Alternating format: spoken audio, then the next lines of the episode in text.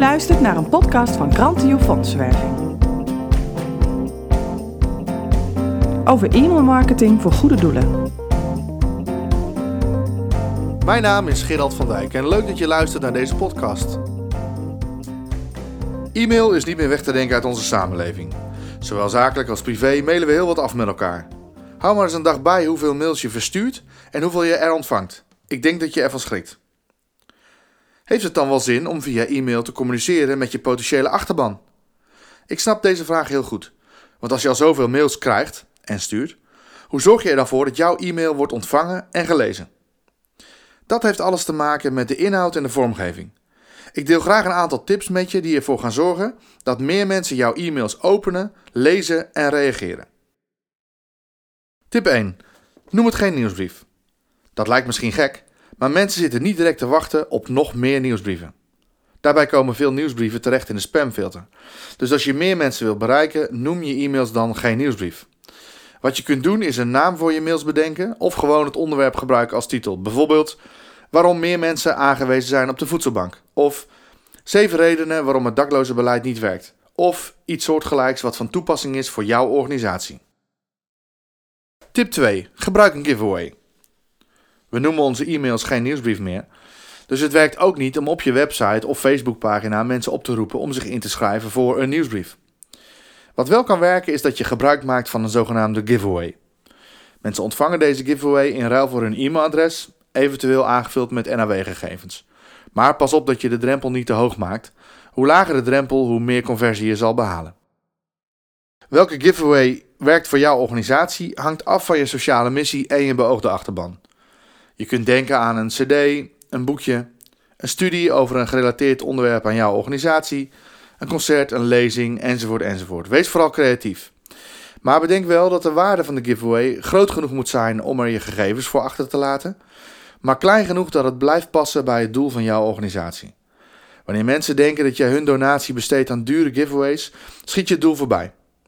Je kunt ook kijken of dat je een giveaway kunt gebruiken die je kan laten sponsoren. Als je dat doet, vermeld dan zeker even erbij dat het een gesponsorde giveaway is. De derde tip over e-mailmarketing voor goede doelen gaat over de behoeften van de klant.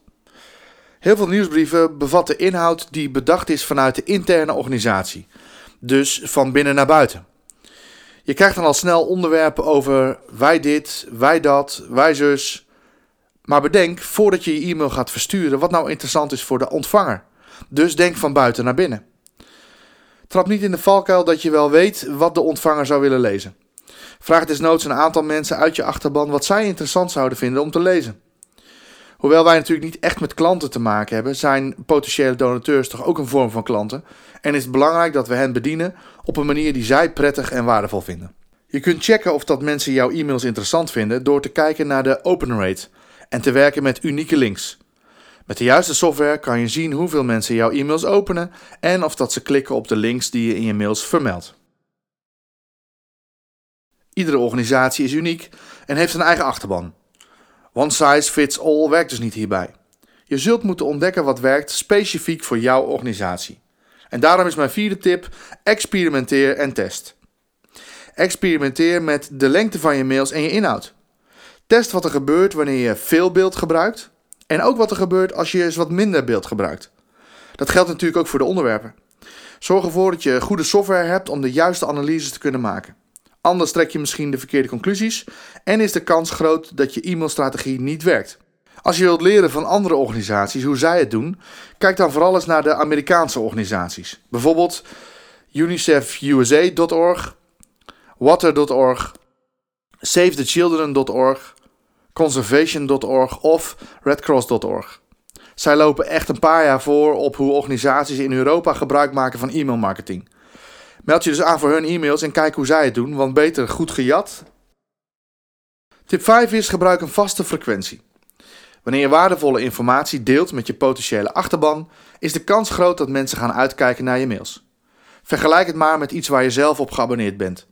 Als je weet dat het bijvoorbeeld maandag op de mat valt en je leest het graag, dan kijk je er naar uit. Bedenk vooraf welke frequentie haalbaar is voor jouw organisatie om waardevolle inhoud te delen die gericht is op de ontvanger. Als je het eenmaal inzet, is het ook zaak om het vol te houden. Het risico bestaat als je een keertje overslaat Dat je de volgende keer ook makkelijker verstek laat gaan, omdat je de vorige keer ook al hebt laten schieten. Wees trouw aan je achterban en aan jezelf. Als twee wekelijks bijvoorbeeld voor jou niet haalbaar is, kies dan voor maandelijks. Maar zorg er wel voor dat er een vaste frequentie in zit. Met het liefst ook een vaste dag van verzending. Ook dit moet je testen en experimenteren. En als blijkt dat een bepaalde dag en een bepaald tijdstip voor jouw organisatie niet werkt, ga dan experimenteren met een ander moment. Maak een planning voor het verzamelen van goede content voor de vormgeving van de inhoud en de verzending. Goede software kan je ook hierin ondersteunen. Voorkom dat het verzenden van e-mails het sluitstuk van de dag of van de week is. Want dan is de kans groot dat het niet de tijd en aandacht krijgt die het verdient en dat je ook niet het rendement eruit haalt wat je had beoogd. Tip 6. Vergeet de gelikte vormgeving. Ja, je hoort het goed. Vergeet de gelikte vormgeving. We hebben al eerder benoemd dat het geen nieuwsbrief moet zijn. Zorg er dus voor dat je vormgeving dat ook ondersteunt. Dus dat het er ook niet uitziet als een nieuwsbrief. Besteed wel zorg aan je vormgeving, maar doe het vooral vanuit de gedachte dat het ondersteunend is aan het belang van de klant, zoals benoemd bij tip 3. Wat je ook veel ziet is dat mensen met hun voornaam worden aangesproken in e-mails, terwijl het overduidelijk is dat de mail naar een grote groep mensen is verstuurd. Dat werkt dus niet. Sla desnoods de aanhef over en experimenteer met andere vormen. Zoals deze week staan we stil bij gezinnen die geen ondersteuning van de voedselbank meer ontvangen. Of wil jij weten hoe het is om van 40 euro per week te moeten rondkomen? In dit filmpje zie je hoe het de familie Jansen vergaat. Je kunt natuurlijk wel experimenteren met persoonlijke aanhef, maar zorg er dan voor dat het ook persoonlijk overkomt. Bijvoorbeeld, beste Willem, deze week hebben we unieke beelden over de voortgang van het huizenbouwproject in Kenia, die we graag even met je delen. Het filmpje duurt twee minuten. Op het moment dat jij weet dat deze Willem geïnteresseerd is in het huizenbouwproject in Kenia, is de kans ook groot dat hij de mail daadwerkelijk zal openen en het filmpje zal bekijken. We zijn aangekomen bij de laatste tip over e-mailmarketing voor goede doelen. En die gaat over conversie. En eigenlijk is dat wel de allerbelangrijkste. Wanneer je start met e-mailmarketing, bedenk dan een aantal straatjes om mensen dichter naar je organisatie toe te kunnen bewegen. Kijk hoe je van kijkers kunt toewerken naar betrokkenen. En misschien zelfs wel naar ambassadeurs.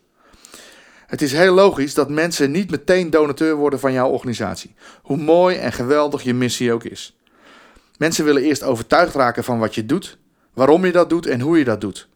Je zult hun vertrouwen moeten winnen.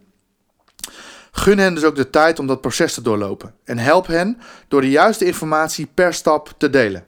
Met andere woorden, bedenk manieren hoe je een betrokkenen kunt maken van een kijker. Hier is geen standaard route voor. Het hangt heel erg af van wie je in beeld hebt. Zijn dat oude of jonge mensen? Zijn ze modern of conservatief? Breed geïnteresseerd of heel specifiek in een bepaald thema? Al deze kenmerken en nog veel meer hebben invloed op hoe zij zich gedragen. Wat je kunt doen is per stap bedenken en uitwerken wat voor deze doelgroep de volgende stap zou kunnen zijn.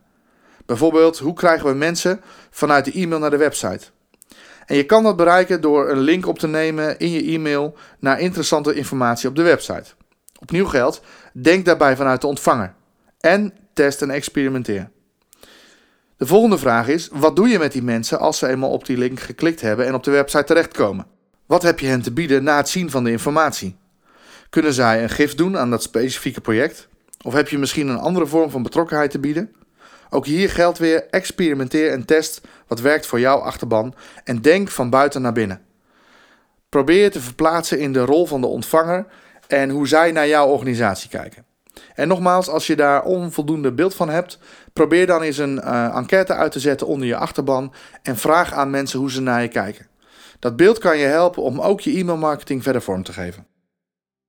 Ik hoop dat deze tips over e-mailmarketing voor goede doelen jou helpen om meer mensen te bereiken en te betrekken bij het realiseren van jouw sociale missie, want daar draait het natuurlijk allemaal om. Je wilt je sociale missie realiseren samen met mensen, bedrijven, fondsen, kerken en instanties om je heen. Geef niet op wanneer het niet meteen resultaat oplevert, de aanhouder wint. Zorg er wel voor dat je kunt analyseren en kunt bijsturen op basis van meetbare effecten.